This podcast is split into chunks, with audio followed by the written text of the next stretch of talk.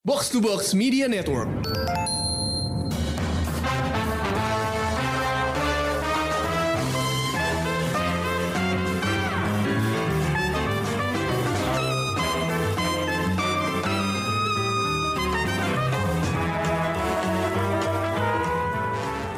Halo pendengar Showbox, balik lagi bareng gue Amy di sebuah solo review, Anglo review di podcast kita ini. Nah, judul apa yang mau gue review sekarang ya? Gue kasih clue nih. Ini serial Inggris, ini juga serial yang adult, dan yang membuat adalah sutradaranya Attack the Block. Masih ingat gak sih film Attack the Block dari tahun 2011 yang dibintangi oleh John Boyega dan digarap oleh Joe Cornish? Seinget gue, dulu waktu pertama kali nonton film itu, gue suka banget dan cukup terkesima dengan konsepnya yang aliens datang ke London dan dilawan oleh anak-anak remaja di Council Estate itu pertama kalinya gue lihat John Boyega dan gue langsung suka sama penampilannya. Setelah itu Joe Cornish uh, absen lumayan lama ya, uh, baru keluar lagi di tahun 2019 dengan film The Kid Who Would Be King. Film ini juga menarik apalagi bagi orang-orang yang suka mitologi King Arthur.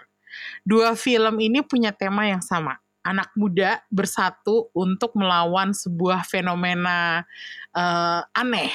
Kalau di Attack the Block, mereka melawan alien. Di The Kid Who Would Be King, mereka melawan musuhnya King Arthur Morgana. Tentu aja filmnya banyak humor, action, dan baper-baperannya remaja gitu deh. Jadi karena dua film yang Joe Cornish sutradarain udah jadi favorit gue, pas gue dengar bahwa dia punya serial TV yang adult di Netflix, gue langsung yes, oke, okay, gue bakal nonton. Dan gak taunya serial yang adult yang dia bikin itu adalah adaptasi dari sebuah seri buku yang adult berjudul Lockwood and Co seri buku ini tuh datang dari penulis uh, yang adult Jonathan Stroud yang mungkin pernah lo kenal sebagai penulis dari sebuah uh, serial yang adult lain yang judulnya Bartimeo Sequence. Lockwood and Co itu serial yang adult keduanya si Jonathan Stroud yang terbitnya dari tahun 2014 sampai 2017. Ada lima buku dan semua genrenya thriller supernatural ah sayangnya karena gue dulu cemen banget ya gue nggak selesai baca bukunya gue baca buku pertama tuh cuma dikit banget, abis itu ketakutan sendiri, makanya akhirnya gue stop. Tadinya gue ragu, bisa nggak ya gue nonton versi live action Lockwood Co di Netflix? Apakah gue bakal nightmare kalau gue nonton serial ini? Tapi gue beraniin diri aja deh. Ya udah gue nonton episode pertamanya. Setelah itu gue ngerasa oh ya ini aman kok buat ditonton sama orang-orang yang takut hantu sekalipun kayak gue gitu. Maklum aja gue merasa CGI-nya uh, ah, sedikit katro dan hantunya terlihat agak visual effect gitu. Jadi gue nggak merasa ketakutan. Mungkin itu nilai minus bagi pencinta horor, tapi nggak bagi gue. Meskipun hantunya terlihat CGI banget, masih ada adegan serem yang sempat bikin gue merinding dan akhirnya gue harus pause dulu sebelum nonton lagi. Gue nggak bakal spoiler adegan itu, tapi uh, gue saranin lu nonton sendiri. Untungnya cerita Co itu engaging banget Premisnya unik, yaitu Inggris itu dihantui oleh berbagai hantu gentayangan yang berbahaya dan hanya bisa dibasmi oleh uh, mereka yang remaja. Jadi yang bisa melakukan eksorsisme terhadap hantu-hantu ini hanyalah anak-anak muda yang punya bakat supernatural kalau mereka udah terlalu besar, terlalu dewasa, mencapai usia uh, seperti coming of age gitu ya, bakat supernatural mereka itu hilang dan mereka jadinya nggak bisa lagi jadi pembasmi hantu. Nah, anak-anak muda ini tuh bergabung dalam berbagai agensi exorcism dan salah satunya adalah Lockwood Co. Jadi Lockwood Co itu adalah nama agensi di mana para tokoh utama itu, kita itu bergabung Tokoh utamanya sendiri itu ada tiga. Ada Lucy Carlyle yang diperankan oleh Ruby Stokes. Ada Anthony Lockwood uh, yang diperankan oleh Cameron Chapman dan ada Josh Karim yang diperankan oleh Ali Haji Heshmati. Selain itu mungkin ada wajah-wajah yang familiar kalau kalian sering nonton serial Inggris. Uh, from the top of my head, gue bisa nyebutin Luke Treadway yang juga pernah muncul di Attack the Block dan ada Louise Brealey pemeran Molly Hooper di serial Sherlock.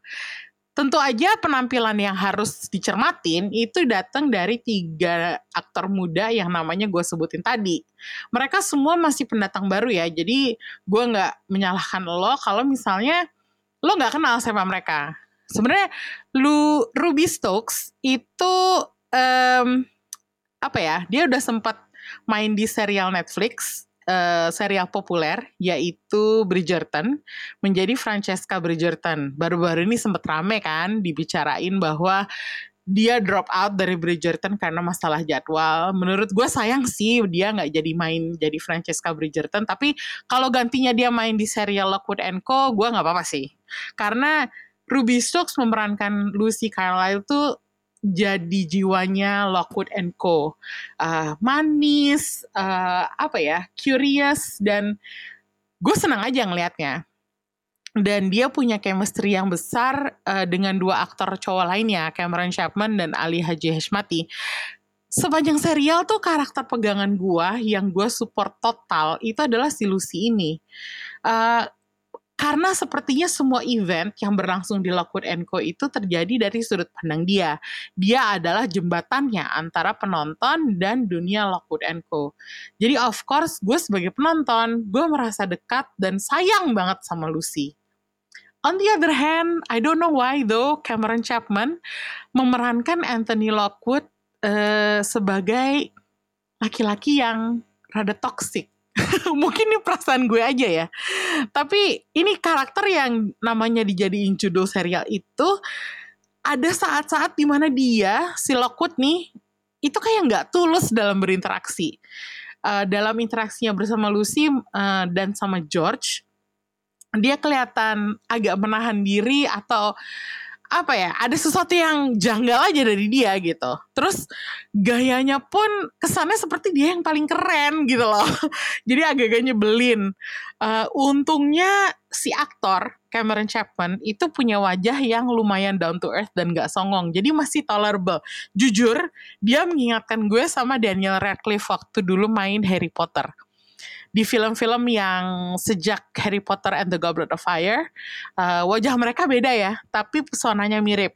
Makanya gue masih bisa lumayan tahan nonton karakter Lockwood itu meskipun bagi gue karakternya sendiri kurang kurang menyenangkan aja. Uh, gue jadi tertarik untuk baca bukunya untuk memastikan apakah ini caranya si Cameron Chapman memerankan dia yang bikin dia nyebelin atau memang ditulisnya karakter ini tuh seperti itu gitu.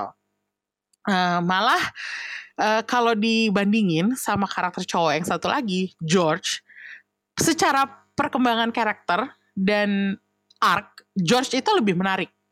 Sejak awal dia muncul dengan gaya yang sarkastis, udah langsung dipatok jadi comic relief. Tapi ternyata cerita dia itu lebih dari sekedar comic relief atau sidekick kan ceritanya dia ahli riset. Jadi dia nerdy. Dan uh, konyol konyolnya tuh kadang-kadang keluar dalam dalam hal yang dia suka berkeliaran di rumah nggak pakai celana bawahan gitu. Atau dia ngomel-ngomel mulu soal makan biskuit gitu. Tapi jujur emosi dia tuh banyak keluar terutama di beberapa episode terakhir di mana karakter George itu kena masalah yang cukup besar dan jadi lumayan sentral dalam plotnya gitu loh. Jadi kalau misalnya harus memilih siapa karakter favorit gue di serial ini, gue nggak akan milih Lockwood. Pilihan gue antara Lucy atau George. Ya mungkin Lucy kali ya, karena uh, seperti yang gue bilang tadi, dia chemistry-nya besar dengan orang-orang sekitarnya, dan dia jadi jembatan penonton dengan dunia Lockwood uh, yang pasti sih beneran deh, gue gak akan pilih Lockwood. uh, untuk ngomongin plotnya sendiri, sebenarnya nih ya, misterinya tuh lumayan kompleks. Jadi kalau gue ceritain detail, pasti gak seru lagi. Misterinya tuh mengandung agak ada twist dan turns yang bisa mengeluarkan reaksi penonton yang cukup besar. Jadi saran gue, jangan cari spoiler, langsung aja nonton biar ikutan terasa kaget-kagetnya dan uh, jadinya kalian menikmati misteri yang ada gitu.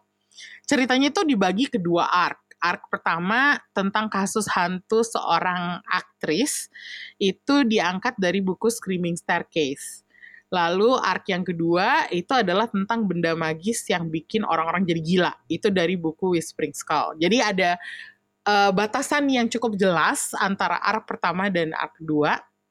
Uh, Sebenarnya kalau misalnya mau dibilang arc mana yang lebih menarik, gue lebih suka arc yang pertama sih. Tapi uh, arc kedua adalah di mana actionnya tuh jadi lebih hidup gitu ya. Uh, makanya uh, satu season ini buat gue cukup seru. Nah, salah satu hal lain yang bikin serial ini juga menarik adalah world building. Uh, kalau dilihat London yang terlihat di Lockwood Co itu rasanya familiar, tapi kita nggak pernah bisa menjelaskan era mana cerita ini berlangsung. Teknologinya tuh masih analog, fashionnya agak retro. Jadi sepertinya sih bukan di dunia modern. Akhirnya gue cari tahu ya, gue cari-cari interview uh, Joe Cornish yang bisa menjelaskan era mana sebenarnya yang dipakai. Nah, Joe Cornish itu bilangnya settingnya di masa sekarang, tapi dalam sebuah realitas paralel di mana revolusi digital nggak pernah terjadi. Jadi visual yang seperti tahun 80-an itu emang dijadikan setting utama bahkan uh, juga sempat bilang bahwa tim produksi mereka merekayasa ulang kesuraman era The Iron Lady Margaret Thatcher. Jadi kebayangkan uh, nuansanya adalah London yang apa ya under siege gitu loh. Jadi juga kalau misalnya kalian merasa bahwa ah ini nggak kayak London modern, ya ada bener juga gitu. Dan Inilah yang bikin Lockwood Co lumayan cakep di mata gue. Meskipun bukan steampunk, tapi teknologi analog yang dipakai di sini lumayan bikin atmosfernya dan suasana serialnya jadi lebih grounded dan relatable. Jadi dia nggak glossy, nggak kinclong, dan akhirnya bikin feel serialnya jadi beda dibandingin sama serial-serial lain. Kalau boleh membandingkan, uh, yang mana ya yang mirip sama serial ini feel-nya? Nah, uh, kalau udah nonton His Dark Materials di HBO, bolehlah nonton juga Lockwood Co. Uh, meskipun genrenya beda dan tampilannya juga beda, uh, keinggrisan dua-duanya itu lumayan kenceng. Jadi feel-nya lumayan mirip. Atau yang abis nonton Wednesday di Netflix dan nggak tahu mau nonton apa lagi, boleh tuh cobain Lockwood Co uh, kalau ada yang mau cari lebih seremnya sih gue saranin uh, ke Korea ke drakor Sell Your Haunted House yang dibintangi oleh Jang Nara. Uh, itu lumayan mirip meskipun setingkat lebih serem. gue berharap uh, Lockwood Co nggak bernasib sama dengan serial-serial Netflix belakangan ini gue udah capek banget sama Netflix mengcancel judul-judul yang gue lagi tonton. Salah satunya adalah The Warrior Nun, serial yang adult yang ini lagi seru-serunya gue ikutin dan justru membaik di season keduanya terus tiba-tiba di cancel. Please banget deh Netflix jangan mengcancel Lockwood Co. Tapi itu dia review gue untuk Lockwood Co di Netflix uh, gue jarang ya kasih bintang buat serial, tapi serial ini boleh sih dapat 4 bintang dari gue. Pendengar Showbox sudah tahu banget kan bahwa gue akhir-akhir ini seringnya nonton drama Asia dari Korea atau dari Jepang. Sayangnya serial bahasa Inggris atau serial produksi Great Britain udah lama nggak masuk daftar tontonan gue sampai tiba-tiba ada Lockwood Co ini yang ternyata bisa menarik perhatian gue dan akhirnya bikin gue nonton lagi uh, serial-serial berbahasa Inggris dan produksi Great Britain juga gitu. Malah gue agak ketagihan nih sama Lockwood Co. Gue berencana untuk mengulang lagi buku pertamanya dan dilihat-lihat kalau misalnya gue ternyata tahan bacanya, gue pakai lanjut sampai buku kelima. Okay, guys, thank you for listening. Happy watching, and see you next time in another Showbox episode.